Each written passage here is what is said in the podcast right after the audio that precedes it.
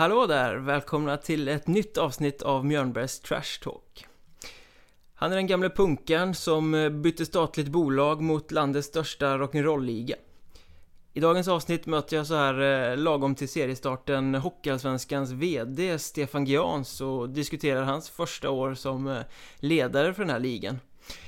Vi snackar om utmaningen att eh, profilera ligan och utveckla produkten utan att kväva passionen på ståplats eh, och om en medial verklighet till total förändring och vad det egentligen innebär för Hockeyallsvenskan.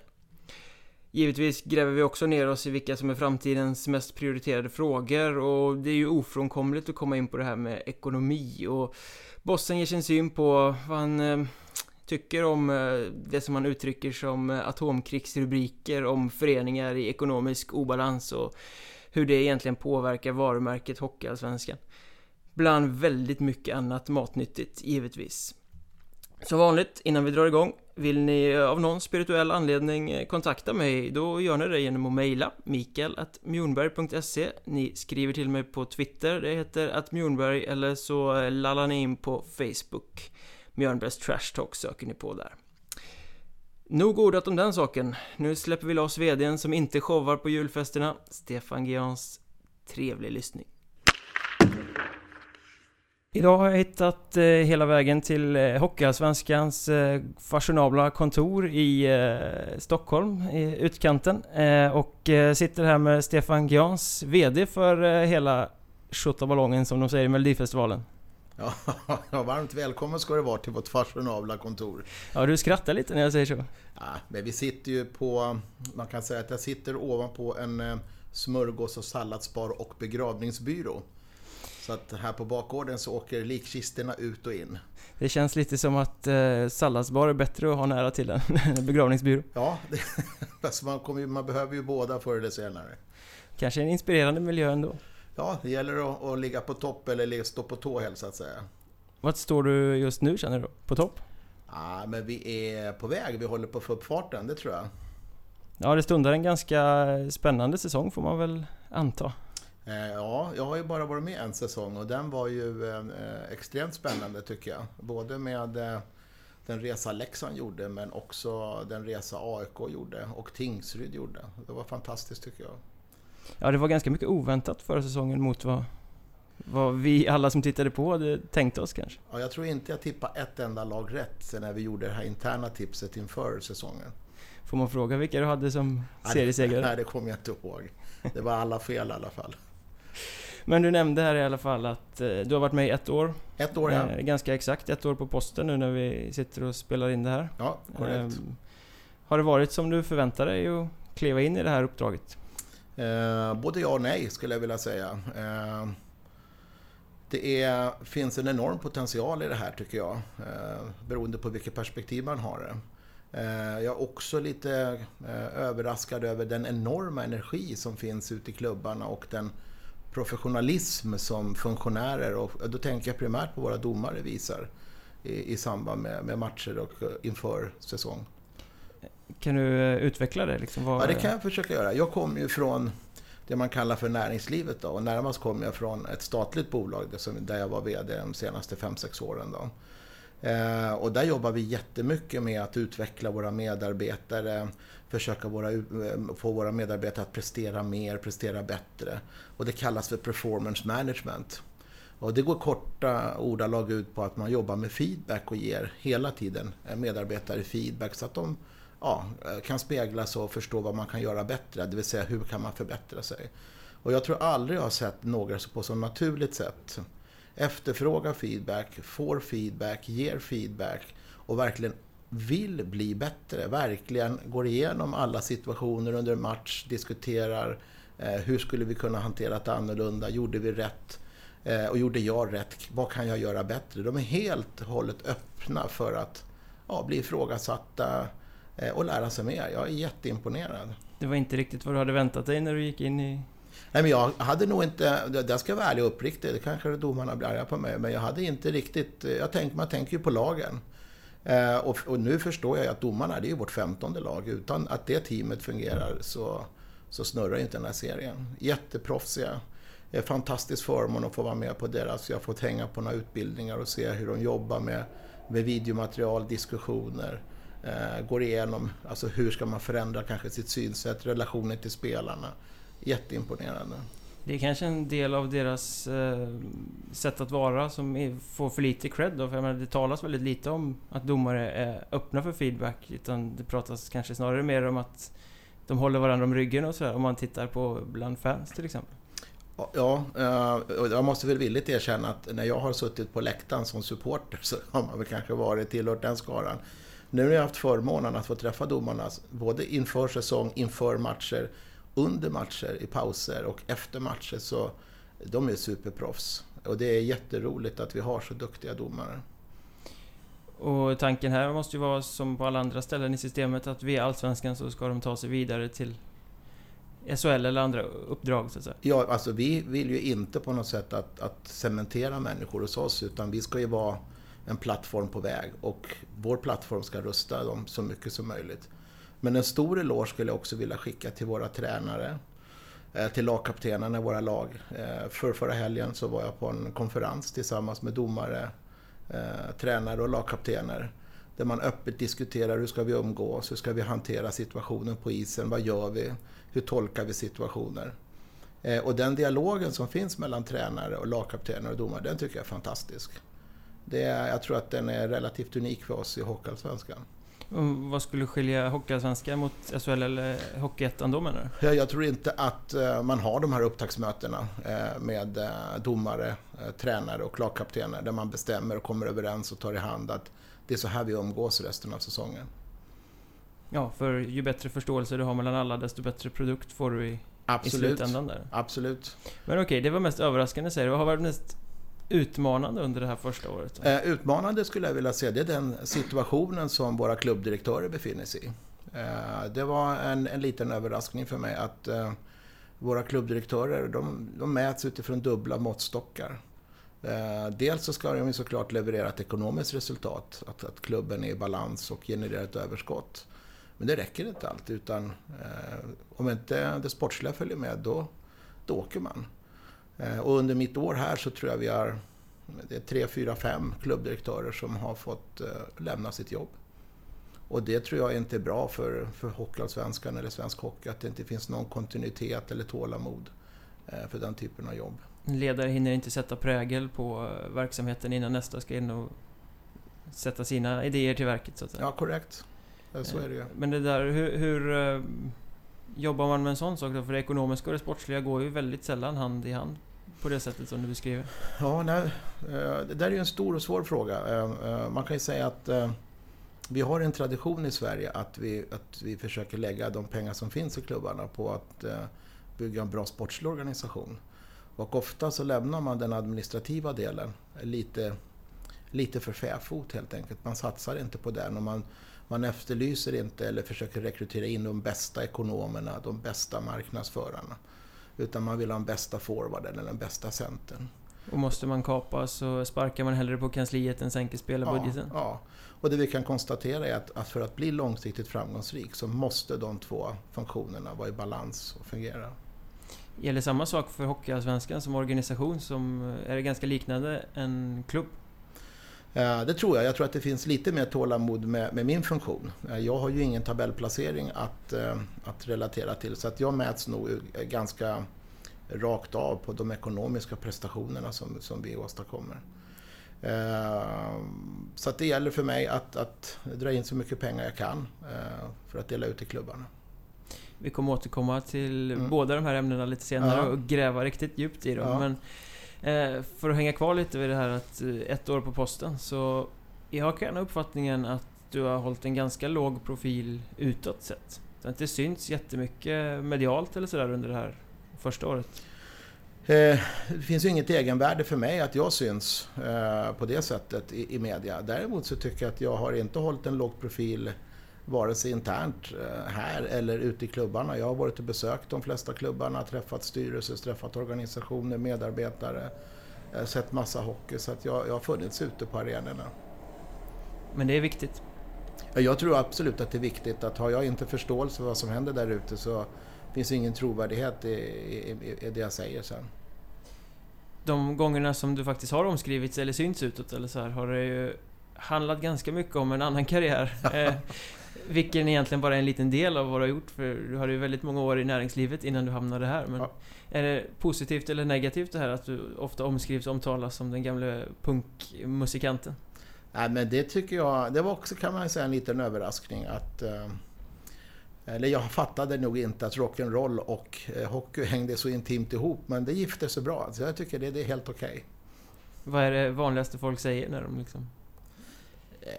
Eh, nej, men det, folk vill komma fram och prata lite om eh, ja, gamla plattor, låtar, konserter som vi har gjort och de har varit med om eller växt upp till eller något sånt där. Är det oväntat många som faktiskt har lyssnat? På oss som, eh, som punkband, Ja, KSMB ska vi väl säga då också, Ja. så att eh, vi har... For the record, så att säga. ja, med tanke på att, att den synden är- är från när man var 18 år och jag är 56 nu så, så kan man ju säga att det hänger kvar och i sig ganska länge då. Men det sammanföljer ju ganska lägligt också med en återförening och Bråvalla-spelning där samtidigt som du tillträdde här. Ja, det var, det var en fantastisk upplevelse att få spela inför, vad kan det stått, 30 000 där då. Eh, Det var en eh, härlig upplevelse. Jag har nog aldrig sett någon vara så glad på en scen någon gång som du var den eh, timmen. Ja, men det var ju härligt att se alla glada människor. Mycket kärlek fick vi då. Det, det tackar vi för.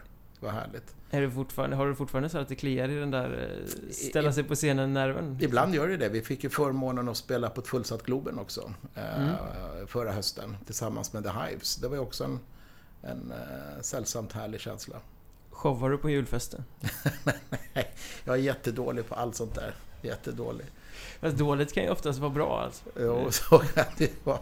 Ja, men jag är nog punkare och jag håller mig i den fåran. Alltså, jag är inte så bra på andra saker. Mm, Du sa lite i förbigående att eh, hockey och eh, rock'n'roll hänger ihop sådär. Hur, eh, hur tänker du då? Det är Nej, ju men- sant men... eh, Ja, nej, men jag bara tänker på att eh, det, det är relativt, hur ska jag säga, aggressivt kanske är fel ord, men det är mycket känslor och det är mycket känslor på 100 procent. Och det gäller både hockey och rock'n'roll. Du kan inte gå in och spela rock'n'roll på, på 50 procent, det blir inget bra. Detsamma gäller hockey. Det gifter sig jättebra. Lyssnar du mellan nedsläppen så är det rockmusik man spelar, inte jazz. Eh, på, arenorna. Det är lite passionen där på något sätt. Ja, det är känslorna. Explosionen.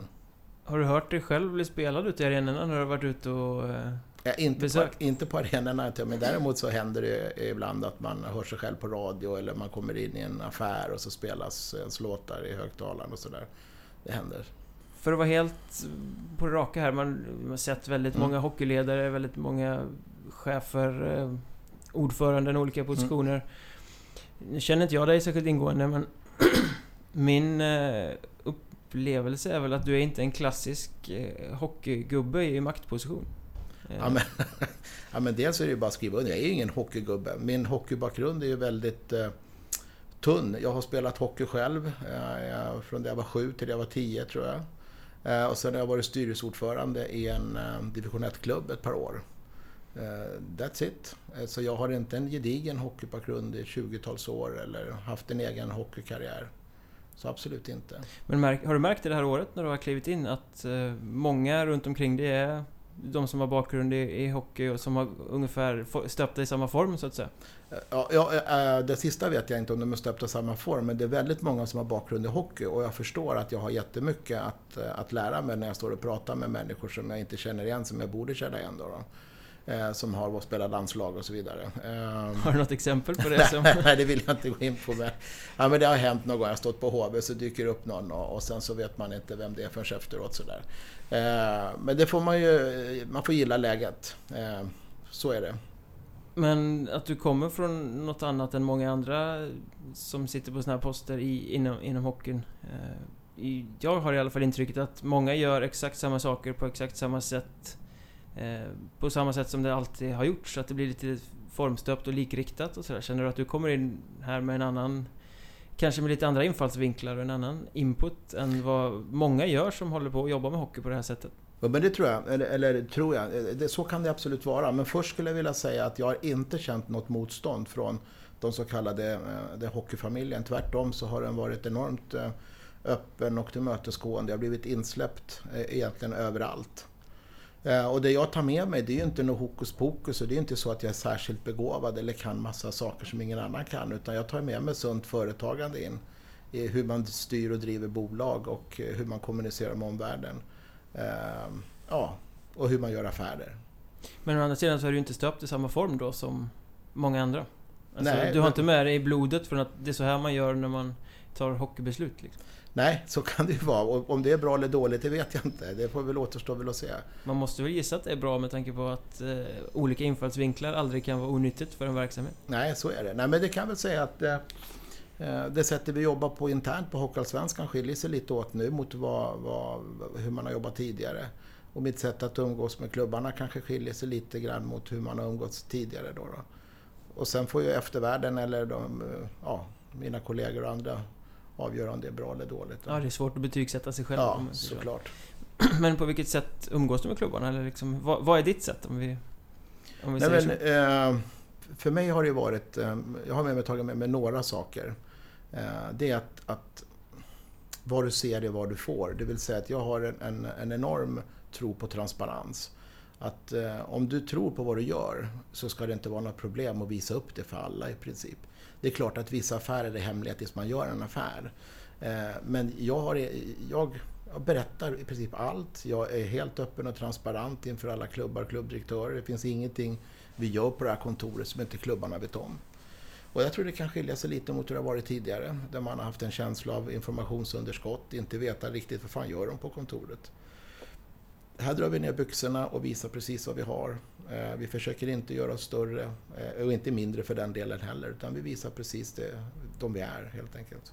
Ett lättare sätt att få förståelse också för klubbarna kan jag tänka mig.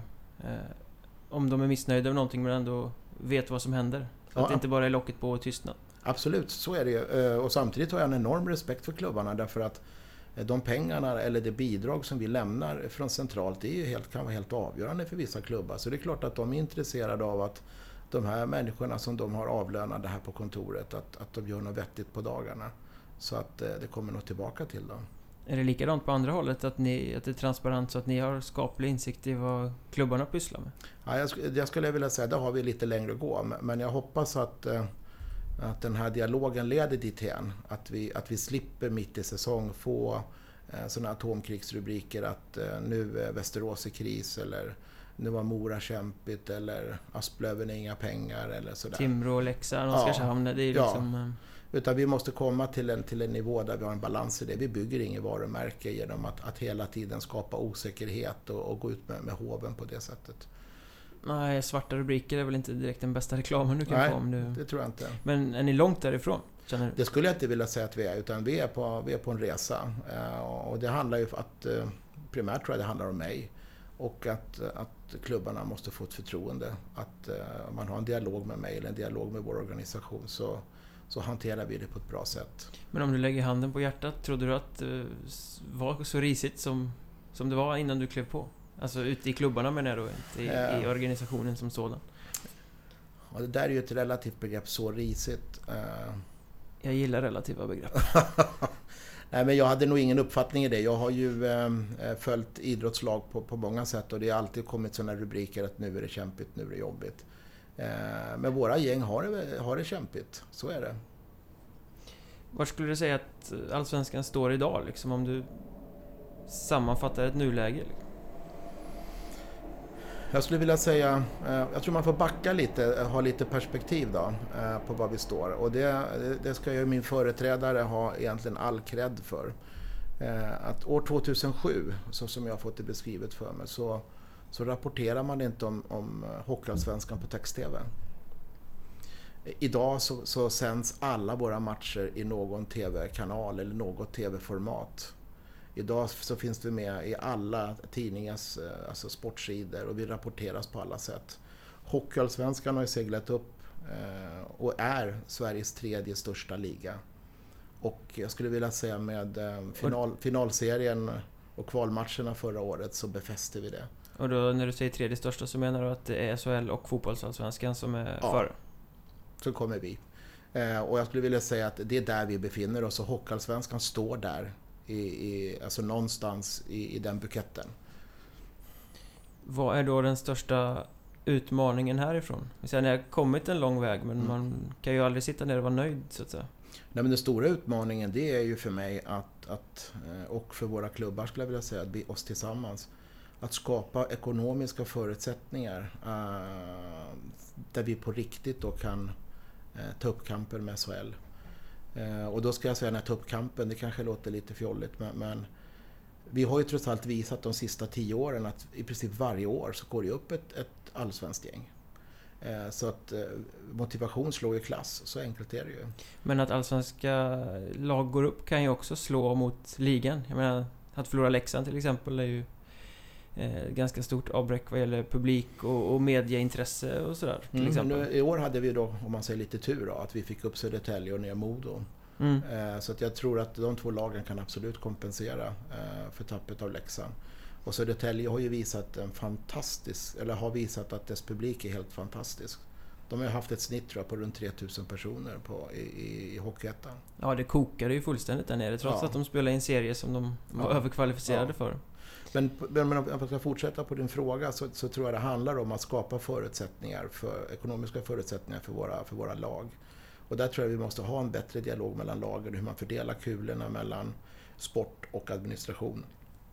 Eh, men jag tror att vi måste upp eh, eh ersättningsnivå rejält. Så jag, vi har ett jättejobb att göra centralt. Ja, för det skrivs ju och pratas ofta lite diffust om att överbygga gapet mellan SHL och Hockeyallsvenskan. Mm. Rent ekonomiskt.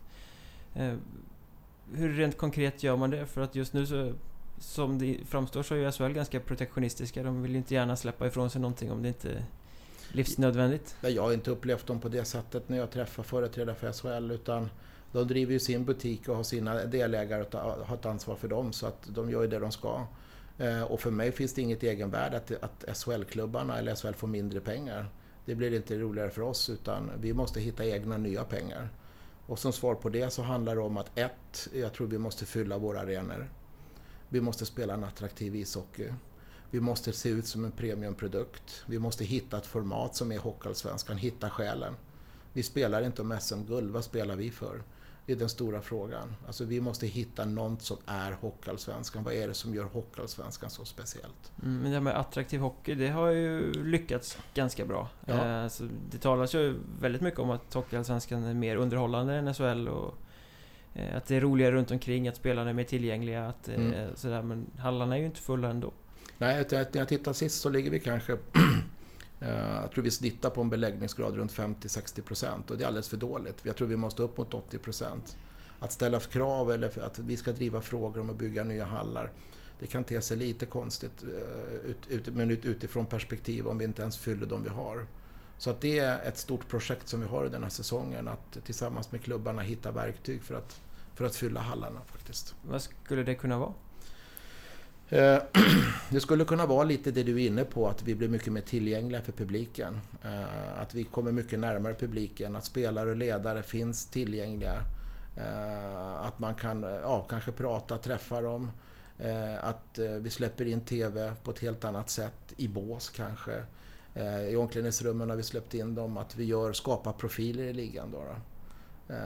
Så att jag tror vi kan göra vissa saker tillsammans då med en TV, med, eller ett TV-bolag eller ja. kan ni göra saker på egen hand? Ja, både göra saker på egen hand. Alltså, ett projekt som vi har startat nu det är ju att försöka definiera vad är ett hockeyallsvenskt event? Alltså när man kommer på att gå på en hockeyallsvensk match, hur ser det ut? Hur vet man att ens att man är på hockeyallsvenskan?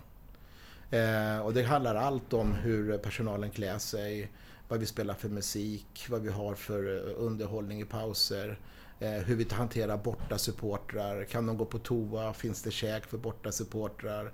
Eh, ja, är det köer på våra toaletter? Går det att käka något hos oss? Att skapa en, alltså en atmosfär och en inramning som är wow, det här är Hockeyallsvenskan, här är alla välkomna. Finns det någon sån, alltså har ni riktlinjer för klubbarna på något sätt att så här borde ni hantera Vi kommer att under året försöka ta fram eh, tillsammans med klubbarna den typen av, av riktlinjer då, för hur ser ett hockeyallsvenskt event ut? Är det en svår gränsdragning där? Vi jobbar ju fortfarande med klubbar där ganska mycket runt omkring är ideellt. Absolut, och det är, det är, en, det är en utmaning där. Eh, tittar man på en klubb och är på en matchkväll så skulle jag vilja säga att Eh, kanske ett hundratal personer är gratisarbetare och på isen åker en del spelare som tjänar bra. Och det är klart att driva en sån organisation för en klubbdirektör, det är en utmaning. Hur motiverar man folk som ställer upp av hjärta och hur motiverar man människor som kanske är där för pengarnas skull? Det är en enorm utmaning och avundas inte klubbdirektörerna. De har ett svårt jobb. Jag är jätteimponerad av det jobb de gör.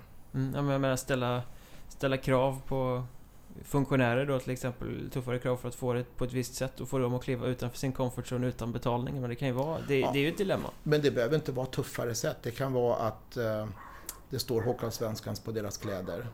Det kan vara att eh, de har en del verktyg, alltså att vi, vi kommer överens om hur man beter sig.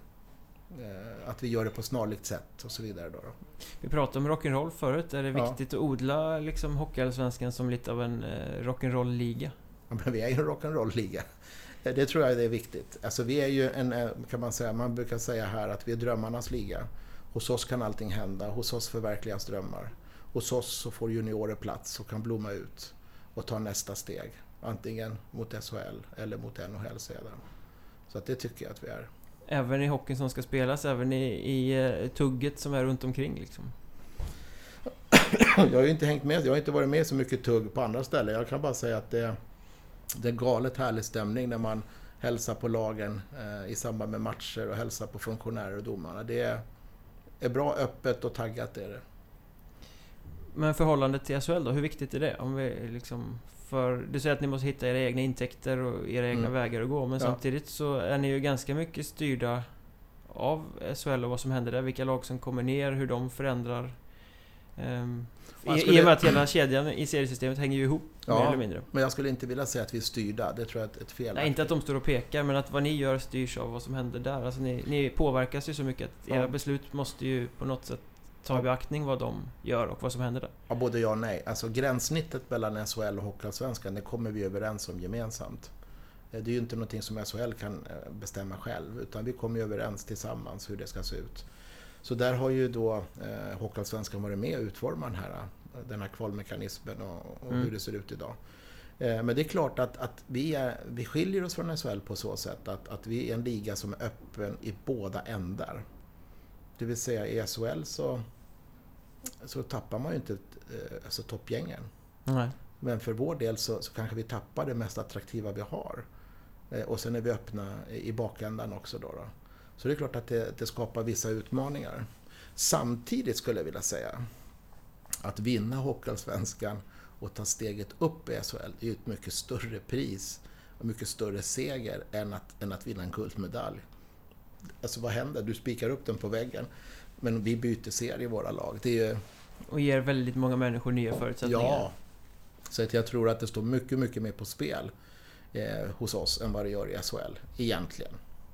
Sen har ni ju egentligen samma läge i andra delen av eh, tabellen. Eh, hur mycket påverkas ni av Hockeyettan och det som händer där? Men även där för vi, tycker jag, en bra dialog eh, med Hockeyettan. Och även där så är det ju så att det är vi tillsammans som beslutar hur den kvalmekanismen ska se ut. Och det är klart att vi för en dialog om hur, hur gör vi lagen alltså SHL-fäiga, för de kommer ju från Hockeyettan, ta Södertälje nu och, och kanske passera oss och ta ett steg till. Ja, är de klara de SHL-kraven? Arenamässigt kanske ja, hur ser det ut organisatoriskt? Det kan gälla andra lag då som, som kommer nerifrån. Dels så ska de ju klara kraven hos oss och dels så ska de ju eh, eh klara kraven i SHL. Då, då. Ja, det är ju också ett ganska stort kliv. Många lag i ettan kommer ju kanske från helt andra verkligheter än vad som finns i, givetvis i SHL, men även i, mm. i Hockeyallsvenskan. Mm. Det måste också vara en utmaning att få den typen av lag att vara förberedda när de väl kommer upp. Det är ju den dialogen som vi har inlett med, med Hockeyettan. Uh, Alltså hur ska det här gå till? Eh, har vi regelverk? Ska de följas? Eh, ska det finnas dispenser? Och, och så vidare. Då, då. Eh, vi tror ju väl att över tid så måste vi leva efter vårt regelverk. Att man måste ha, i vårt fall, då, en miljon eget kapital. Eh, att vara en klubb i balans. Eh, kunna ta emot eh, sittande publik ordentligt då, och ha en hall som, som har mediakub, LCD-skärmar och kan skapa ett event. Det tror jag är viktigt, för annars så kommer inte Hockeyallsvenskan vidare heller, som liga betraktat. Finns det en risk för trovärdighetsproblem där om det fortsätter med dispenser för länge? Det tror jag. Jag tror att regelverket urholkas och urvattnas, absolut. Och samtidigt så är det så här att man måste ju någonstans hålla drömmen levande. Eh, och jag är ju sån här eh, eh businessgubbe då, eh, som, som vill göra affärer. Men samtidigt så tycker jag, har jag läst Buster när jag var ung och alla har vi ju gillat Åshöjden. Och I vårt fall hade vi ju vårt Åshöjden i form av Asplöven eh, förra säsongen som har gjort en, en resa som är, ja, den är osannolik. En, en sån liten klubb med så små resurser möter upp och tävlar med de stora och gör det bra. Och det är klart, och då saknar ju de allt det där jag pratar om. Ett kansli med alla funktioner, en hall som har alla funktioner. Men de har en enorm passion, det finns ett enormt hjärta. Och det är ju svårt att hitta den där äh, vägningen därför utan hjärta och passion så funkar ju inte hockey. Liksom.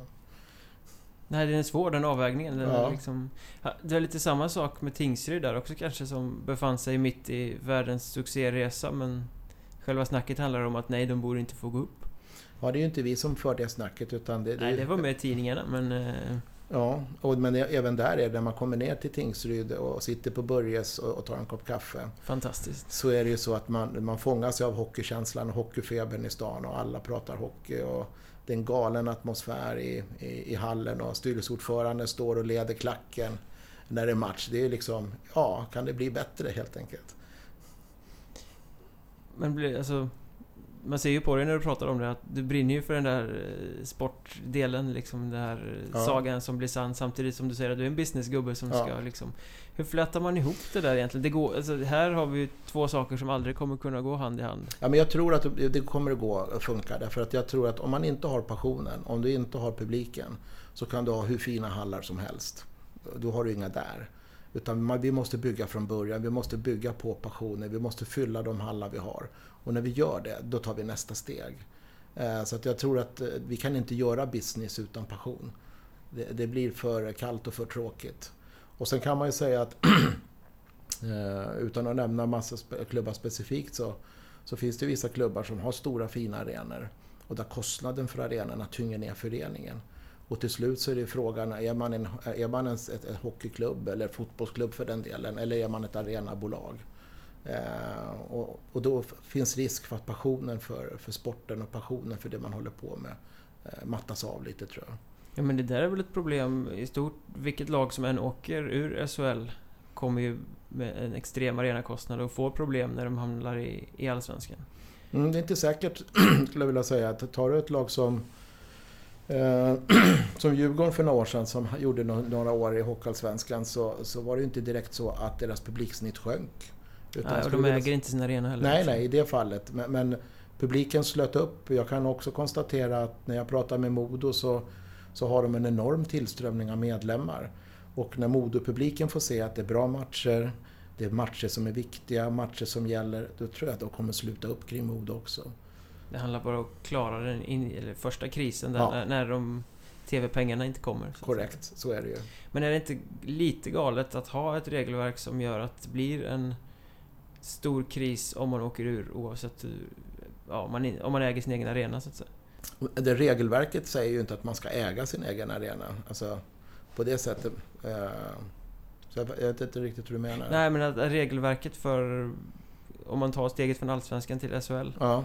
Eh, att du måste ha se så stort, du måste ha se så mycket innebär ju för det mesta, för de flesta klubbarna, väldigt mycket kostnader som gör att en degradering blir en katastrof.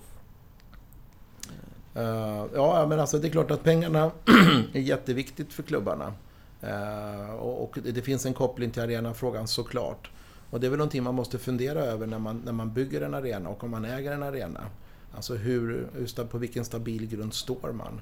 Eh, och jag tror att tar vi klubbar som Leksand så jobbar de jätteaktivt med att fylla arenan med andra event. Alltså de har det som mässa, de driver förskolor, de driver butiker, de driver restauranger.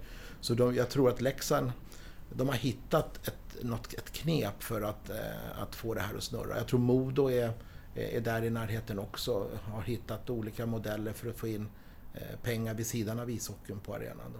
Men har ni ett eh, utbildande ansvar där, eller man ska säga, eller ett pushande ansvar att hjälpa till på något sätt? Ja, just, när det gäller just den delen så har vi inte kommit så långt. Däremot så, så har vi, tar vi på oss i år att, att hjälpa klubbarna med att, att fylla hockeykvällarna, det vill säga när man event, att skapa evenemang på arenan. som kan attrahera mer publik. Det tar vi på oss, absolut. Och där känner du att ni också tar kliv framåt så att säga? Ja, det tycker jag att vi gör. Man brukar prata om att skapa produkt också här. Mm. Det, hela halvfrågan handlar ju om det också. Liksom mm. Att man skapar sin produkt i, i eh, arenan och sånt där. Hur upplever du att supportrar och fans och sådär eh, inställda till det? Det kan ju vara lite känsligt att prata produkt och sport. Alltså vissa ja. vill inte att man ska omnämna matcherna som en produkt utan det är... Jag håller det, med det är också det. så här affär och passion och alltihop mm. i en enda kaka. Ja, men jag har ju en, en son hemma som är med i en supporterklubb och um, åker på, nu är det fotboll då, men åker på 100% matcher, alltså alla bortamatcher och uh, går på alla hemmamatcher. Och det är klart att där finns en annan relation till vad som är sport och vad som är affär. Och där är ju kanske tålamodet eller förståelsen för affären inte alltså 100%. Men samtidigt måste vi vara försiktiga därför utan de här, den här typen av supportrar eh, så kommer klubbarna få det svårt. Eh, man kan, man kan säga, eh, om vi nu tar det här huligan och fotbollen. Fotbollen har ju ett dilemma till exempel att man vill inte ha de här knallskott och bengalerna. Men samtidigt, om de inte är där, kommer långsidorna. Långsidorna kommer ju för att titta på spektaklet och vara en del av atmosfären som kortsidorna skapar. Så att den där balansen är jättesvår. Och den, ja, jag avundas inte fotbollen. Vi har inte de problemen i hockeyn, men Eh, som svar på din fråga så tror jag inte att hardcore supporters riktigt fullt ut gillar begreppet produkt och gillar begreppet affär. Nej, och det är samma människor som tycker att ligger det klappar på stolarna på långsidan så eh, dödar det supporterkulturen. Och, och långsidorna måste ha klapparna för att de ska komma. Eller liksom, ja, det, är, ja. det är, men kan, kan, man överbygga det på något sätt? Liksom? Ja, det tror jag. Jag tror att uh, där är ju någonting som vi talar om ganska mycket här på Hockeyallsvenskan. Vi vill ju vara supportrarnas liga. Och då är frågan, hur involverar man supportrarna? Hur, gör man, hur får vi del av deras röst? Hur, hur får vi en dialog med supportergrupperingar då? Och då har vi försiktigt börjat ta kontakt med uh, supportergrupperingar. Ja, vi har inte kommit till uh, något, något ordnat samtal men försiktigt så närmar vi oss supportergrupperingarna.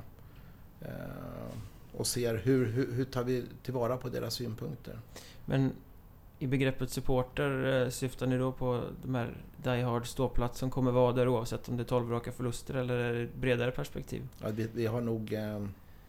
Det är nog ett bredare perspektiv men eh, när vi pratar om dialog så pratar vi om de här eh, hardcore supportrarna.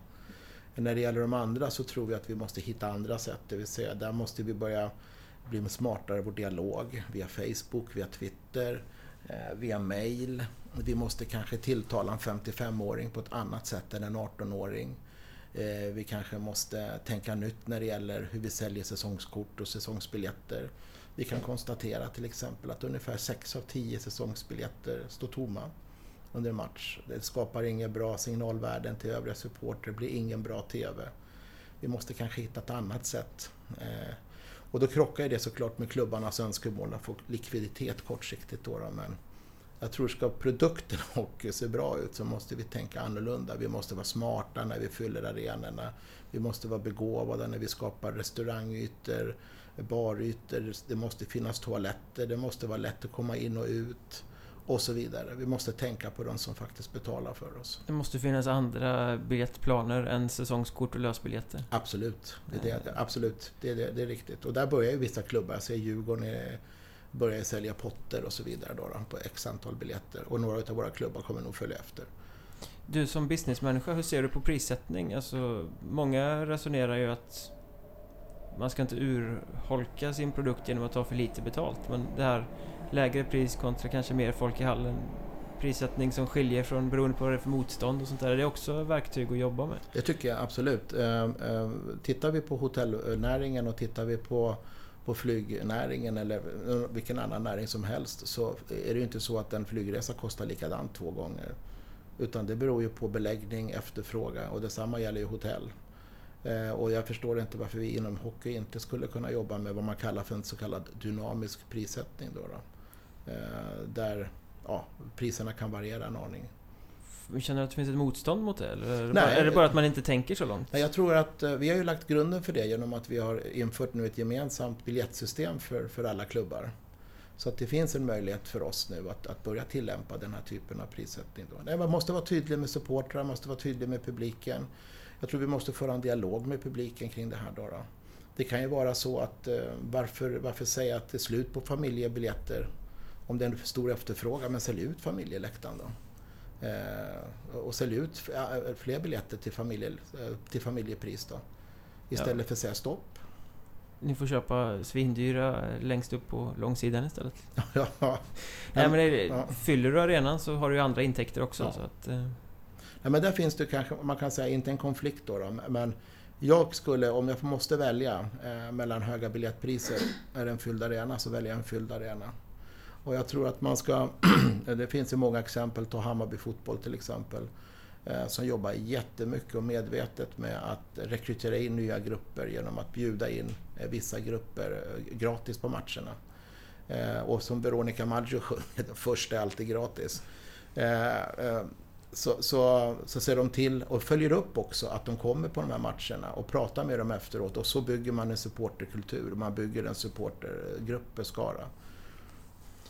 Men som liga eh, måste det också vara ganska utmanande i och med att ni har 14 klubbar som alla ligger olika långt fram eller långt bak eller har olika sätt att, jobba med det här. Mm, men det är det vi tar fatt i nu. Vi gör, vi gör ju till exempel en pilot nu där vi tittar just på det här med dynamisk prissättning. Vi gör en pilot där vi börjar titta nu på hur vi ska kunna kommunicera med supportrar på ett bra sätt. Och den kommer alla klubbar få ta del av. Vi har ett gemensamt eh, biljettsystem helt enkelt. Då, då. Så att eh, vi försöker som liga att, att, att samla ihop och få alla uh, att, att nivellera sig kan man säga. Då, då. Enklare för uh, publiken att hitta också? Ja, man, uh... absolut. Och det måste synkas då. Hemsidor, biljettsystem, kassasystem, inpasseringssystem. Allt det där måste hänga ihop. Du som kund, du förväntar dig att, att vi vet vem du är och så vidare. Då. Och här måste sporten, tror jag, likt hotell eller flyg eller vilken annan bransch du nu vill. Vi måste veta vilka, eh, ska, vi måste bara lära känna våra kunder. Fram till idag då, så har ju inte våra klubbar vetat vem det är som har köpt våra biljetter. Alltså det skulle inte vara rimligt på ett hotell, att man inte vet vem som bor där. Eh, fram till idag så har ju inte våra klubbar vetat vem som har tecknat abonnemang. Så alla Björklövens supportrar som har tecknat abonnemang för att se Löven, det vet inte Löven om vilka det är. Eh, när, folk eh, checkar in på, på ett wifi på arenan så vet inte klubbarna vem det är.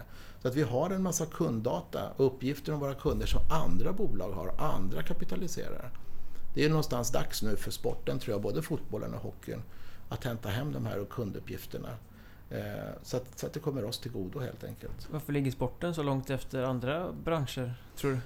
Ja, men det kan vara alltså, tradition, det kan vara dålig ekonomi, man har inte investerat i, i, i IT-system, man har hellre köpt en högerback än, än att köpa ett, ett schysst kundhanteringssystem. Eh, så att jag tror att det finns, ja, det kan vara många förklaringar.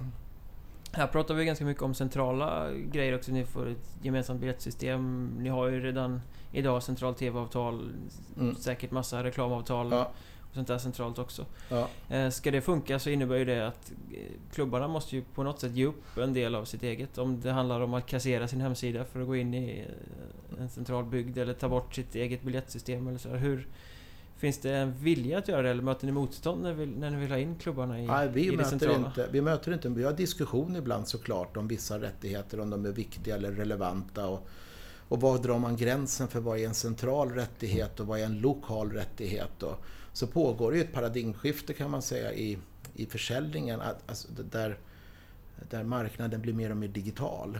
Där en skylt, den gamla hedliga skylten är det kanske inte är på det sättet företag vill kommunicera. De kanske vill ha digital exponering, synas på hemsidan, synas på mediakuben, göra kanske en kampanj i, i hallen eh, på ett helt annat sätt än vad man har gjort tidigare. Vi möter inte konflikt, det gör vi inte, men vi har en diskussion. Och eh, jag är inte alls övertygad om att alla rättigheter ska vara på ligan, absolut inte. Utan jag tror det finns en gräns. Eh, typ TV-avtal är bra, typ så här Svenska spelavtal. Eh, det kanske är att man ska ha ett centralt dryckesavtal eh, där vi, och då kanske vi måste tillhandahålla mittcirklar i hela ligan. Och då går det ju inte om vi inte har tillgång till dem helt enkelt. Då, då. Eller det, kanske är så att vi får en en titelsponsor eh, som, som eh, namnger ligan och då måste kanske den synas i samtliga arenor på ett sånt sätt. Då, då. Eh, så att jag tror det finns, och klubbarna har det här måste jag också säga, någonting som överraskar mig. De är extremt tillmötesgående, extremt förstående. Det är bra diskussioner, alltså vi kan inte vara dumma och göra saker som inte är relevanta. Eh, men klubbarna ställer upp eh, tränarna är tillgängliga, spelarna är tillgängliga, klubbarna alltså tillhandahåller ytor på ett sätt som jag är jättefascinerad. De verkligen vill att det ska funka. För det bygger ju på det. Alltså om Säg att ni ska ge bort mittcirklarna, eller ge bort, eller mm. sälja ja. eh, mittcirklarna centralt. Så hälften av lagen är det säkert eh, mer än vad de själva hade kunnat göra men det kräver ju samtidigt att till exempel en stor klubb som hade kunnat sälja den själva till eh, lokalbygdens största företag för dubbla måste vara beredda att offra den kostnaden för det långsiktiga. Absolut, så är det ju. Och därför så är de här centrala avtalen så viktigt att kan vi hitta flera centrala avtal så kan ju storklubben få tillbaka via andra avtal. Då, då. Eh, och samtidigt så måste ju storklubbarna då förstå att om de inte har småklubbar som kan sätta upp ett lag på, eh, på isen så finns det ju inga att spela hockey mot. Har det här också överraskat dig att de är så fogliga? Eller vad ska man säga? Jag tycker inte de är fogliga. Jag tycker de, alltså klubbdirektörerna kämpar jättemycket med sin ekonomi. Eh, klubbdirektörerna har helt olika förutsättningar. Det kan vara att 200 000 kronor, som vi tycker är ganska lite pengar, det kan vara helt avgörande för en klubb om den ska klaras eller inte. Så att, eh, jag skulle, skulle jag inte vilja säga utan eh, klubbarna är noga och, och vill ha in så mycket pengar som möjligt. Men de har en bra diskussion. Om de tror att vi kan ta in mer pengar, det är klart att vi får rättigheten. Samtidigt befinner vi oss här i en eh, medievärld som helt och hållet håller på att ritas om. Ja. Eh, vi pratar, eller pratar och pratar, men vi cirklar hela tiden runt TV-avtal och, och allting sånt här. Ja. Du kommer själv från jobbat med TV TV-branschen, eh, ja. TV-branschen, ja. ja. Eh, även om inte inom sport och media. Men eh, gör det än utmanande och mer lätt för er att bygga en produkt med tanke på att eh, ni kan ta över ganska mycket själva från det som traditionella medier gjorde innan? Alltså både ja och nej. Du, du för in mig på en fråga som eh, är ganska stor och omfattande. Då. Vi kan börja uppe och så bryter vi ner den. vi kan prova. Nej, men några grejer jag gjorde när jag kom här, det var ju... Jag ställde frågan som jag alltid brukar ställa. Var, varifrån kommer pengarna? Och då ser jag att det är två huvudfåror som pengarna kommer till oss ifrån. Och det ena är TV och det andra är eh, spel, Svenska Spel. Då, då. Och TV har ju varit då Simor föregående år som, som jag kom in i. Då, då. Och de två eh, aktörerna de står för 80% av våra intäkter. Och samtidigt är det precis som du säger, att de två aktörerna befinner sig i den största strukturomvandlingen i deras historia. Alltså TV-världen befinner sig i hela havets stormar. Den nya tekniken gör att inga gamla regler gäller, alla ligger med alla i TV-branschen. Och det vill säga en TV-kanal som tidigare var eh, superbra, eh, den är idag helt eh, obsolet. Och jag ska försöka förklara. Den nya tekniken gör ju att Eh, de som producerar innehållet, eller de som äger rättigheten, det vill säga Hollywood, de kan ju skicka ut det direkt till kunderna, typ HBO. Och då helt plötsligt behöver man ju inte en TV-kanal som TV3, SVT eller TV4. Och när TV-kanalerna då förstår att fan, vi behövs inte. Eh, då kan börja de också nu att paketera Dplay, Viaplay, TV4 Premium, Simor.se och så passerar de ett gäng av TV-operatörer. Och då har vi Comhem, vi har Satt, vi har Kanal Digital, vi har Boxer, vi har Telia. De har ju grävt ner kablar för miljarder eller skickat upp satelliter som galningar. Och helt plötsligt så märker de att men fan, våra leverantörer bypassar oss. Och som det inte räckte med det då, så har vi ju TV-leverantörerna. Du har Sony, du har Samsung, LG. De gör ju smarta TV-apparater där de samlar ihop innehåll. Så att helt plötsligt nu så skickar ju alla innehåll till alla nu då. Eller till kunderna. Och helt plötsligt så är det ju, vem är kund till vem? Och då är det klart att då kommer ju frågan, vad ska då en, en produkt som en filmkanal, ta TV1000 som tidigare haft en, att filmerna startar klockan 9, startar klockan 11. Vem vill se film så idag? Ingen. Nej, och då är det klart att de måste ju fundera, vad tar en sån kanal vägen? Ta en produkt som Discovery som sänder så naturprogram om hajar på torsdagar klockan 9. Alltså, om jag vill se hajar, då tittar jag på hajar nu. Eller ta en produkt som TV6 som är bara liksom en spellista på dator. Ja, men, alltså, de serierna kan jag ju kolla på själv. Alltså, så att vad, vad TV-kanalerna försöker göra det är att bygga realtidsrelevans. Det betyder att det kan vara sport, jätteviktigt och där tror jag Simor har varit smarta. De har ju då samlat eh, Fotbollsallsvenskan, SHL, Hockeyallsvenskan, Superettan, de säger fyra största serierna, plus speedway då. då. Så de fem största eh, sportgrejerna så har de samlat på sin kanal. Då. Det andra som de kan göra TV-kanalerna, det jobbar med Idol, Let's Dance, alltså realtidsformat. Och där måste man ju säga att SVT är världsmästare. Där har man ju omvandlat Melodifestivalen från tre timmar en lördag till någonting som pågår dygnet runt i tre månader. nästan. Ja, så det är fantastiskt. Men vad betyder det här då? Jo, det betyder ju att de här TV-operatörerna de kommer ju inte stillatigande stå sig på att hela deras infrastruktur blir liksom överkörd och obsolet. De kommer ju nu bara bjuda på innehåll. Så att helt plötsligt har vi sett att Telia har köpt in sig i Spotify. Telia vet vi är ute och bjuder på sporträttigheter. Så helt plötsligt så ändrar sig marknaden. Helt plötsligt har vi en möjlighet att sända direkt till kunder. Eller gå med ett TV-bolag. Eller att gå med en operatör. Så marknaden förändras radikalt just nu och jag skulle vilja säga att alla är, eh, är osäkra på vad det tar vägen. Talar det till er fördel då som sitter på innehållet? Eh, det skulle jag vilja säga. Det finns ett, ett begrepp i TV-världen där man säger att content is king. Eh, och det skulle jag vilja säga att så är det. För att oaktat hur tekniken förändrar sig så, kommer, så är det vårt innehåll man vill sända med den tekniken. Så oaktat om det är satelliter eller bredband eller fibrer eller kabel-tv-nät så det är ju vårt innehåll som man vill sända i, i den infrastrukturen.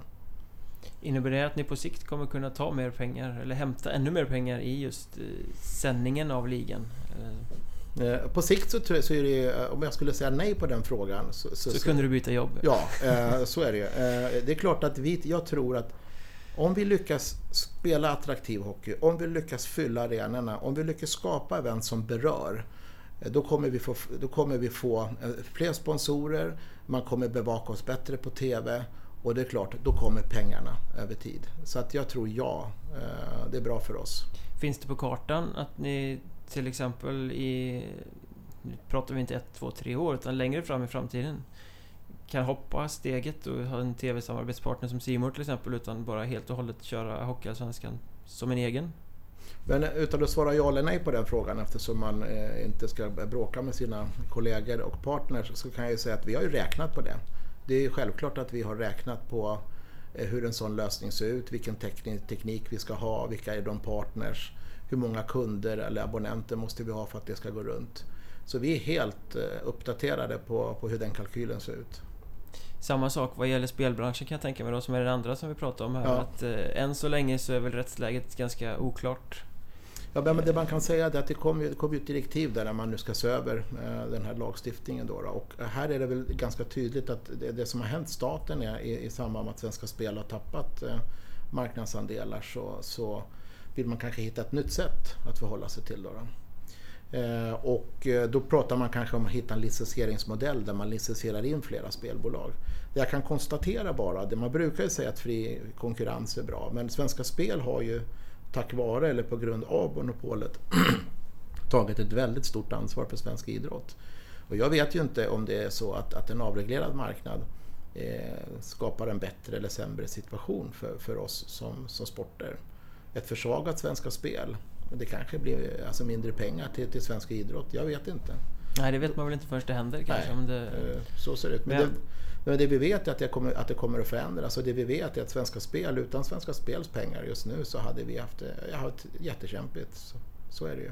Men hur noga tittar ni på eh, utvecklingen kring det när SHL har skrivit med NordicBet och sådär liksom? För där sätter de ju, kliver de ju utanför vad någon annan har vågat göra tidigare. Mm. Ja men den ska bli jättespännande. Jag måste ju säga att jag är... Eh, ja, beundrare är väl kanske fel ord, men ja, med, med viss eh, nyfikenhet så följer jag det. Att det ska bli jättespännande att se nu hur NordicBet eh, framträds eh, eller kommer fram hos SHL. Kommer man ha mittcirklar?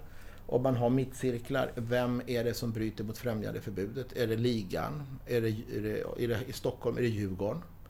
Är det TV-bolaget? Är det Arenabolaget? när vi spelar våra matcher AIK kliver in. Ja, är det AIK? Är det vi? Ja, hur påverkas det liksom? Ja, det vet för, inte för där har ni ju ett ganska intressant eh, vad gäller många avtal kan jag tänka, Ja. att eh, Djurgården och AIK spelar i samma arena. Ja, Vems avtal är det som gäller? i Djurgården, det är SHL och företräde, så är det. Och det får vi, vi får gilla läget, så är det. Men, men vi följer den här frågan jättenoga med NordicBet och SHL då. då. Eh, och, det, och vi har för också en dialog med, med Svenska Spel där vi beskriver att vi har hamnat i den här situationen, inte på grund av egen förskyllan utan på grund av det avtal SHL har tecknat med, med NordicBet. Då. Ja, det ska bli jättekul att se hur det där faller ut. Men ni sitter ju i ett ganska långt avtal med Svenska Spel nu som ni tecknade för förra hösten. Mm. va? Så vi Eh. sitter på ytterligare tre år och sen en möjlighet till förlängning ytterligare två år. Då. Men det måste ju ha hänt att ni har fått påstötningar från många andra utländska bolag innan ni tecknade det avtalet så att säga. Eh, Jag önskar att det vore så. Eh, Så var nog inte riktigt fallet. Utan eh, Eh, jag tror att, min, eh, att Hockeyallsvenskan har fått de avtalen som, som gick att få vid de tillfällena. Och där ligger det i, då, eh, i mitt uppdrag att, omvandla, återigen då, Hockeyallsvenskan till en premiumprodukt. Någonting som åker med. När man talar om Hockeyallsvenskan så ska det vara i samma andetag som man talar om fotbollsallsvenskan och SHL. Då, då. Så ska vi vara i det häradet. Allmän kännedom, eh, stor snackis, eh, synas ja, överallt. Liksom. Kvalitet, publikmässigt och så vidare. Då, då. Men det är ju simor avtalet och Svenska Spelavtalet som eh, innebär de stora pengarna säger du. Och ditt uppdrag är att dra in mer pengar till... till var, var hämtar du... Alltså, vad är det för branscher? Givetvis att du inte kan säga vad det är för företag. Så, men, men, vilka, men- vilka branscher är det? Är det bilar och sånt där och som är nästa... Ja, vi har inte riktigt uh, skivat korven på den ledden, om man säger så. Dels så, så kan jag väl redan här säga att vi har eh, omförhandlat det avtalet vi hade med Simor så att det kommer att publiken kommer att möta en annan hockeyallsvenska i rutan än vad man mötte förra säsongen. Så att vi kommer se annorlunda ut, det kommer bli fler matcher på linjär TV. Vi kommer släppa publiken mycket närmare eh, spelet än vad vi har gjort tidigare. Eller ja, vi och Simor har kommit fram till det. Då, då. Ni har tagit till er av kritiken från fjolårssäsongen helt enkelt. Eh, Ja, det kan man säga att vi har gjort. Eh, Och som en konsekvens av det så har vi överlåtit produktionen av, av samtliga TV-matcher till Simor. Förra säsongen så var ju Hockeyallsvenskan producent, eller vi producerade 300 matcher ungefär. Och vi är ju en liga, vi är ju inte ett TV-produktionsbolag. Nej, det är ju Så, att, eh, inte er primära Nej. uppgift. så vår förhoppning är att, att bättre bild, eh, bättre ljud, eh, roligare eh, format den här säsongen. Då. Och så tillbaka till din fråga då. Eh, så tittar vi in, eh, vi, jobbar nu med något som vi kallar för titelsponsorskap. Se, går det att hitta då eh, en titelsponsor till, till Hockeyallsvenskan? Och där har vi varit inne på typ, typ, typ Premier League, Barclays Premier League, vi har ju Norge, Gatligan och, och lite olika då. Och hur kan vi göra det utan att ta det på vår själ? Kan vi göra det? Kan vi hitta ett företag som eh, i karaktär och ambition matchar oss då på ett bra sätt? Så vi har ett, ett ganska stort jobb på gång tillsammans med en extern byrå som hjälper oss att, eh, hur vi ska ta, den, ta oss an det. I övrigt så har vi självklart reseavtal, vi har självklart boendeavtal, vi har dryckesavtal och så vidare. Då, då. Får ni eh, byta namn på ligan hur som helst utan att förbundet börjar eh, tycka att det var inte så bra? Ja, du lägger till hur som helst. Eh, Vi, vi har ett avtal med... min med- svepande Ja, journalist Ja, uttryck. vi har ett avtal med Svenska ishockeyförbundet som, som ger oss möjligheten att, eh, att eh, ha en titelsponsor, ja. Men eh, ni känner själva att det ska vara, som du säger, någonting som är passande eller liksom sådär? För jag menar, tittar man på hallsponsring till exempel så finns det ju ganska många skräckexempel på det man ja, sätter med alla möjliga tragikomiska namn på arenor som Ja, nej, inte men- alls faller väl ut ja det, där, jag är ju inte en varumärkesexpert på det sättet, men, men vi skulle ju helst vilja ha eh, en, en titelsponsor såklart. Eller flera titelsponsorer. Eh, som, som förkroppsligar ligan. Vi har ju haft en eh, som har haft hand om vårt slutspel. Ja, Meka där. Meka och det har ju varit, blivit något som blivit ganska naturligt och ganska bra. Och Meka har varit en oerhört viktig partner för oss eh, i det här. Så att det kan ju vara så att man hittar eh, en sån modell fast för olika delar av säsongen.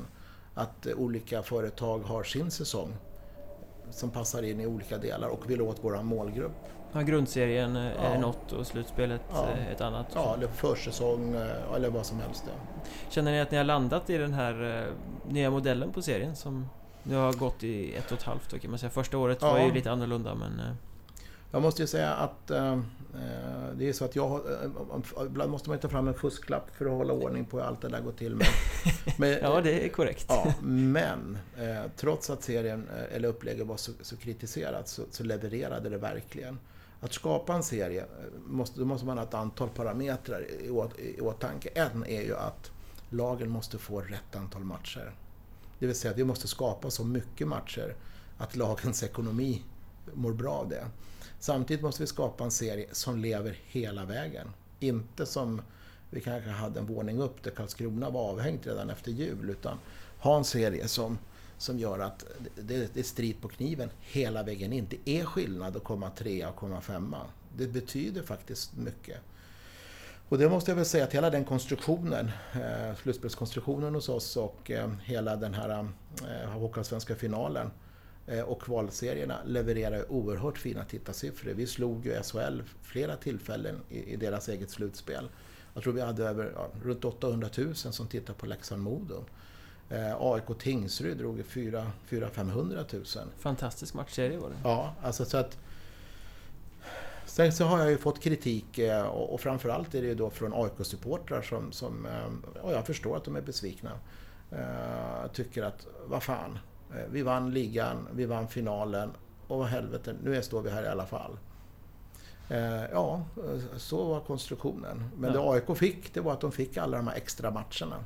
Ja, för själva titeln är ju egentligen bara en hittepå-titel. Den ja. betyder ju inte så mycket om man inte lyckas i, i SHL-kvalet. Hela vägen, ja. Mm, så är det ju. Men eh, du pratade om premiumprodukt och att locka mm. folk till arenorna och eh, allt sånt här. Eh, det är klart, lagen måste ha sina matcher och det blir spännande matcher i hela det här kvalet. Men är mm. det inte också, tänker jag, för att locka publik måste det inte vara begripligt?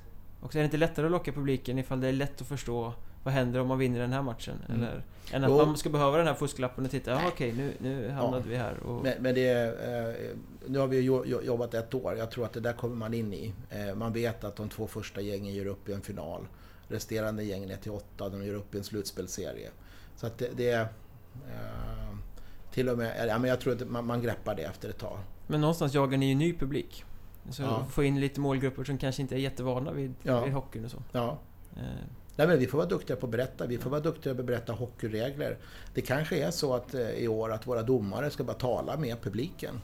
Alltså berätta vad det är för domslut istället för att gå via speakerbåset. Eh, det finns många sätt. Det kanske är så att vi kan hitta en ekonomisk modell som gör att vi kan ha hockeyregelskola i mediakuben istället för att ha... Kiskar. Ja, just det. Eller eh, rörmokare eller någonting annat då. Så att... Det finns många sätt att göra det på. Det finns många, många små bäckar som kan leda fram till en stor ja, ån. Ja, så är det. Eh, allt det här handlar ju om eh, ekonomi mm. egentligen. Vi, vi, har tassat runt det hela vägen här och mm. även här.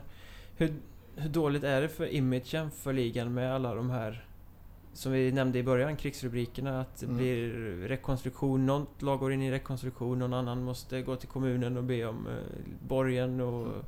det ena med det andra. Alltså, ja men det är jättedåligt. Ja, men det är klart att eh, vilken sponsor vill gå in och, och eh, förknippa sig med ett konkursbo. Så att det, är, det är besvärande och det är någonting som vi måste komma, komma till rätta med.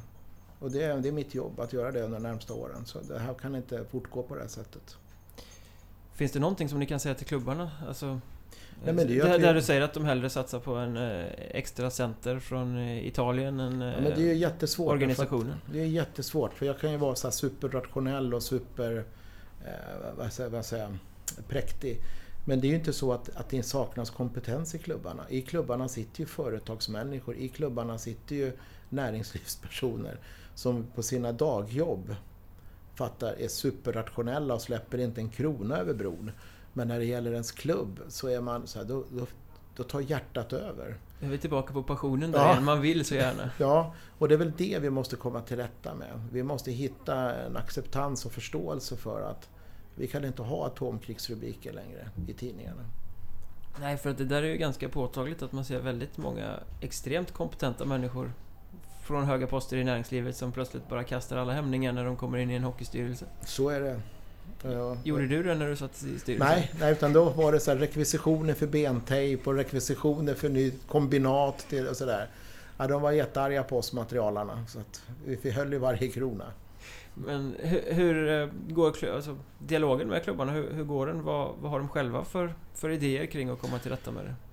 Uh, alltså idéerna kan inte jag redogöra för, men dialogen går ju på att, att vi ska komma till rätta med det. Och dialogen är inne på att det, det beror på många saker.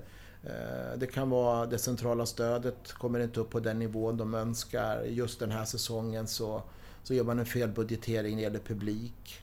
Eh, och så vidare. Man kanske får ett tillfälle att, att ta in en ny spelare som gör att det sticker iväg.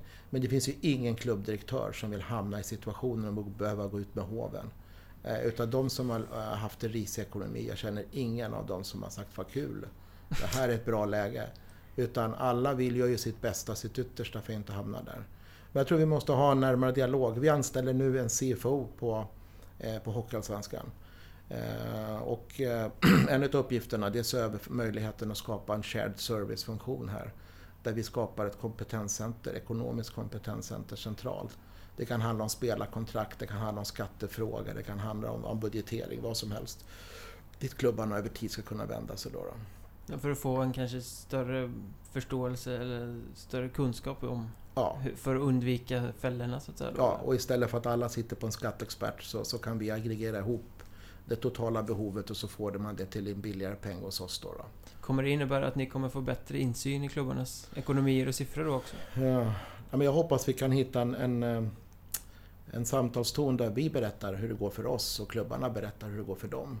Så att vi är helt öppna för varandra. Det är dit vi måste komma. Och då, först då kan ni liksom få ut den fulla potentialen av, eh, av vad som är Hockeyallsvenskan? Ja, det tror jag. Vi kan inte hålla på med atomkrigsrubriker längre. Men det kommer att komma. Säkert. Men hur, hur, kan, du, kan du uppskatta hur stor skada det gjorde säsongen som gick till exempel? Det är ju... Ja, men det är klart att när vi för när vi för samtal med en sponsor så försöker vi tala om att vi är en premiumprodukt. Att vi är en produkt i vilket sammanhang, i vars sammanhang det här företaget eh, kan synas och ta med sina kunder. Att då hamna i en situation där vi inte har kontroll på vår ekonomi eller att vi har förköpt oss eller att eh, man ska lägga ner och det påverkar en hel ort. Det är ju inte det man vill förknippas med. Nej. Eh, utan man vill, ha en, man vill ha en premiumprodukt. En stabil produkt som levererar. Och dit måste vi komma. Nere i Hockeyettan så inför de ju det här med licens från och med nu i kommande vår. Okay, eh, ja. Där har ju många, många klubbar ja, det är samma sak där som i Allsvenskan. Många som måste rekonstruera och gå på knäna och budgetera fel och så vidare. Men där har ju klubbarna nästan enats skrikit om att tillämpa nu de här reglerna som det sägs att de ska göra så mm. att man får stå sitt kast. Går snacket likadant bland de allsvenska klubbarna? Alltså, vill... Nej, vi har inte haft den typen av dialog när vi har träffat klubbarna, kan jag inte säga.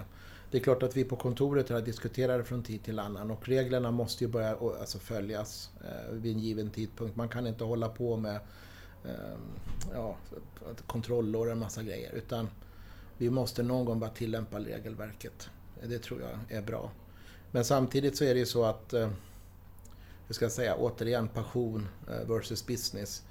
Eh, om Hockeyallsvenskan ska må bra så, så, krävs det också att det är en viss typ av klubbar som spelar hos oss, en typ, att, det, att det kan finnas 3000 på läktaren. Eh, och det är där jag tror vi ska ligga någonstans, runt 3000 per match. Nu ska vi upp 3-3 500. Det har vi potential för. Och att då komma till Hockeyallsvenskan och ha en hall som tar 400, det funkar inte. Alltså man, kan, man kommer inte långsiktigt kunna konkurrera och överleva. Och detsamma gäller ju liksom ett steg upp i SHL. Du måste skapa dig förutsättningar för att kunna få ekonomin. Då är hallen en sak, laget är en sak och också ditt kansli. Att du har marknadsfunktioner, ekonomifunktioner och alltså att du driver klubben på ett professionellt sätt. Vi är tillbaka i eh, business kontra åshöjden där ja. igen liksom. För ni kommer ju aldrig kunna säga nej till ett lag med en hall på 400 personer. Mer än att hålla tummarna lite bakom ryggen för nej, att de ska åka ur igen. Ja, nej, det, det, är klart att det, det är ett dilemma men, men, vi, har ju, vi har ju våra krav. Uh, på att man ska ha en viss eh, storlek på hall och jag tror också för klubben själv så är det inte meningsfullt. Alltså det, det går inte att driva en, en hockeyallsvensk klubb med en arena på 400. Skulle ni kunna råda en klubb att tacka nej som har kvalificerat Absolut. sig? Alltså att det här är inte rimligt? Liksom. Nej, men Det är en svår fråga, men samtidigt måste man ju liksom... Eh, om man ska ta det varvet då, om jag nu tänker tanken utan att ha har tänkt den sådär förut. Men, Nej, ni har väl inte hamnat i den situationen Nej. än så att... eh, eh, så tänker jag att, att för en klubb att riskera att göra konkurs med konsekvenser för juniorer och ungdomar och, och hela bygden så då är det ju inte värt att kliva upp. Alltså då är det ju bättre att ta ett år till i en lägre division Eh, och, och, och säkra ekonomin och säkra verksamheten än att riskera eh, alltså hela den, eh, den verksamhet man har. Så att, ja, skulle någon fråga mig så skulle jag svara det. Var säker på vad du gör, riskera inte din verksamhet. Eh, Min erfarenhet är att klubbarna betyder jättemycket för sina orter och sina, eh, ja, sina samhällen. Tack och lov så är det väl oftast så att de lagen som tar sig upp har gjort satsningen för att ta sig upp för att de vet att de har ett underlag för Ja, det. ja, så är det. Som när ni får Södertälje nu till exempel. Ja. Det är liksom inte... Södertälje säger själva att de kanske kommer upp ett år för tidigt men det är ju jättekul för oss att Södertälje kommer upp såklart. Ja, de säger väl själva att det inte är så stor skillnad på att spela Allsvenskan kontra ettan. Man, Nej, man väger inkomster, utgifter och så vidare. ja, det där tror jag var, eh, du, du refererar till en artikel i Länstidningen. Jag läste häromdagen, ja, exakt. Ja, jag tror den stämmer inte riktigt. Jag tror att eh, Mats, den här gjorde i maj tror jag, innan Mats hade full insyn i vad som hände. Följer du allting som skrivs sådär så att du eh, har koll? Nej, vad fan skrev de nu då? Det där är ju inte... eh, Ja, det är inte allting, men vi har ju en sån där, vi prenumererar ju på en tjänst då. Så att när Hockeyallsvenskan dyker upp så, så, så, så, så får vi det. Händer det att du blir upprörd? Uh, ja, men alltså det finns några grejer som gör mig irriterad och arg. Det är ju när, uh, när man inte placerar in sig själv i ett större sammanhang. Det har inte hänt många gånger, det hände vid ett par tillfällen föregående år. Där då enstaka klubbar kanske for ut och kritiserade vårt TV-bolag. Eh, och utan att förstå att man kritiserar den hand som föder den. Eh, Det, det, det håller inte vi på med. Vi kan ta den kritiken men då tar vi det direkt med TV-bolaget och har en konstruktiv dialog. Det tjänar ingen på. Eh, och det är det som eh, det jag försöker säga, en premiumprodukt. Vi kackar inte eget bo helt enkelt. Eh, vi, våra, våra tränare ska inte tala om hur dåliga domare vi har. Det, inte, det gagnar inte Hockeyallsvenskan. Utan har man synpunkter på det, då tar vi det internt. Så att säga. Det är inte så att jag vill lägga band på känslor. Man kan vara förbannad och det är klart man har rätt att vara besviken när man har förlorat en match. Eh, Men låt oss vara lite konstruktiva. Låt oss bygga varumärke långsiktigt alla tillsammans. Men får du kliva ut och ta dem i örat och säga att det där kanske inte var så begåvat? Eh, vi- vi kan- Man kan säga att vi har spänstiga dialoger ibland. Högt i tak brukar det kallas också. Ja, nej, men vi har spänstiga dialoger. Ibland så blir man ju, jag är förbannad och kanske inte har rätt alla gånger. Så, där, så, att, eh, så är det ju. Men det är kanske eh, sunt också för en levande produkt att det springer iväg lite åt olika håll och att synpunkter och åsikter får krocka. Ja, ja, men så är det och jag kan också göra fel. Eh, och det har jag väl gjort vid något tillfälle som har skapat problem för någon klubb. Och, och då, då får man ju rulla sig och blotta strupen, så är det ju. Hur menar du då? Att du har uttalat det ja, klantigt eller? ja liksom? alltså det har ju inte gynnat den process som har pågått då, kanske hos någon klubb. Att jag säger, då har jag haft ett ligaperspektiv i enkom då, då kanske. Är det svårt att hitta balansen i det där ligaperspektivet kontra klubbarnas eh, business? Ja, jag kan, jag kan tycka ibland är det det, för jag förstår ju klubbarna, för det är klubbarna som är basen och utgångspunkten för ligan. Och samtidigt är det ju så att om klubbarna vill någonting så, så krävs det att det finns en väldigt bra och fungerande liga. Eh, Så att ibland krockar ju det. Eh, Och när du trampar i klaveret så kan du släta över med att "Nej, men jag är bara punkare ändå. Nej, det kan jag inte. Inte längre. Nu har jag ju varit här ett år så nu tycker jag att introduktionsfasen är över. Om man säger så. Så nu måste jag ju bara leverera. Hur långt har du kommit i leveransen känner du? Eller liksom, har Ja, du... men, eh, jag tror jag har kommit en del eh, i det. Jag, jag, eh, ni kommer under hösten få se eh, det nya TV-avtalet. Eh, och det kommer att återspegla sig både på, i rutan och eh, ekonomiskt. Så det är bra. Vi jobbar med titelsponsorskapet. Vi har ordning på vår egen ekonomi. Ja, det är väl en förutsättning om man ska kunna visa pekpinnen åt andra. Ja, ja men jag har kommit en, en bit på, på leveransen, absolut. Om vi då knyter ihop allting här som vi har pratat om eh, Mm. och försöker vara lite positiva och blicka, Ja. blicka framåt och sluta Ja. på en sån eh, note så att säga. Så, så framtidens viktiga frågor för er här. Vi har ju säkert berört det men ifall du kärnfullt får koka ner det i, Ja, men, för Allsvenskan som liga då givetvis. Absolut. Man kan säga att den absolut viktigaste frågan för oss det är att förbättra ekonomin för våra klubbar. Helt enkelt. Då då. Och den sekundära eh, frågan är att öka volymen publik eh, på våra arenor. Så de två frågorna de är absolut eh, top of the mind-frågor för oss då, då. Och den första frågan blir enklare att lösa om man löser den andra. Korrekt. Och som trea kliver då att stärka varumärket. Så att har vi, vi har tre övergripande mål. Då, då. Det är pengar, mer pengar till klubbarna, mer publik på läktarna och stärk vårt varumärke så att vi blir en premiumprodukt. Det är det vi jobbar för. Nu. Det låter som sådana här klassiska punkter som Ja, är genomgående överallt. ja, ja, men vad ska vi göra? Eh, vi, vi, har ju, vi har börjat leverera på pengafrågan. Eh, vi, har, vi, har byggt, vi har skapat eh, ett antal tjänster centralt här nu som ska hjälpa klubbarna att öka publik, publikunderlaget. Då, då. Och vi har gjort en del med TV-avtalet som gör att jag tror vi kommer att stärka oss som varumärke. Så att vi är på, på gång. Spännande. Mm. Vad, hur, exakt hur roligt tror du den här säsongen som drar igång nu alldeles strax kommer, kommer bli sportsligt att titta på? Allt kommer bli galet roligt. Jag tror Modo kommer att sätta färg på det här. Jag tror Södertälje kommer att piffa till det här. Jag tror AIK är förbannade från förra året och jag tror Tingsryd är galet revanschsugna. Jag vet att Magnus, han är förbannad. Han vill ta hela steget nu. Sundqvist menar Ja, i... ja, eh, absolut. Så att jag tror det kan bli många heta bataljer. Faktiskt. Jag förstår att du inte får säga vilka du hejar på, det hade inte varit så klädsamt som en VD kanske, men, men blir det så när man är ute och träffar folk och så att man fattar lite mer tycke för vissa klubbar? Liksom, rent, inte som förening då, utan det som händer på isen där liksom, att oh, vad trevligt de spelade här. Ah, nej, men det är inte på det sättet tror jag. Alltså inte så att eh, jag blir supporter, men jag måste ju ändå säga att Förra året så, så var det två lag så tycker jag, som, som fångade mig. Det var AIK och Tingsryd. Och det var ju också mycket riktigt de två som gick. Alltså den metodik som Tingsryd hade, att aldrig överge sin matchplan, bara liksom köra. Den speed som AIK levererade, eh, det var fantastiskt att se. Så att, ja, jag tror båda, något av lagen var värda ett bättre öde skulle jag vilja säga. Än vad det blev nu. Hur mycket mer hockey lärde du dig eh, säsongen som gick? Ja, jag fick lära mig ett nytt begrepp. Jag var och såg, jag tror det var Mora-Västerås, tror jag det var. I Morahallen och då var det en kille som åkte ut för biting. Hade bitit eh, fingret på en motståndare. Det hade jag aldrig lärt mig. Det visste jag inte fanns. Just det, heter det biting? Ja, ja, det var vad de sa där i alla fall i högtalarna. Jag tror han- handsken kom in i mun i samband med någon situation varpå han biter till. Då, då. Ja, han blev avstängd för det sen också tror jag. Jag Nej, det är jag är inte- säker, vi kanske inte tänker på Ja. samma situation men det Mm. händer ju några dråpliga säsonger Ja. grejer varje... Så är det. Så är det så, andra killarna på, på kansliet eller kontoret här får Mm. lära dig eh, taktik och du får lära dem affärer. Ja, jag tror att de är ganska duktiga på affärer också. Men, eh, de lär mig en del hockey, det är riktigt, det gör de. Vilken hockey föredrar du? Ja, jag tror, hockey, Alltså- svensk hockey såklart. Ja, offensiv eller defensiv eller Offensiv, såklart. ful eller eh, Nej, men jag gillar, jag gillar eh. när lagen rullar i offensiv zon. Och och lämnar över det så att det rullar på. Det tycker jag är fint.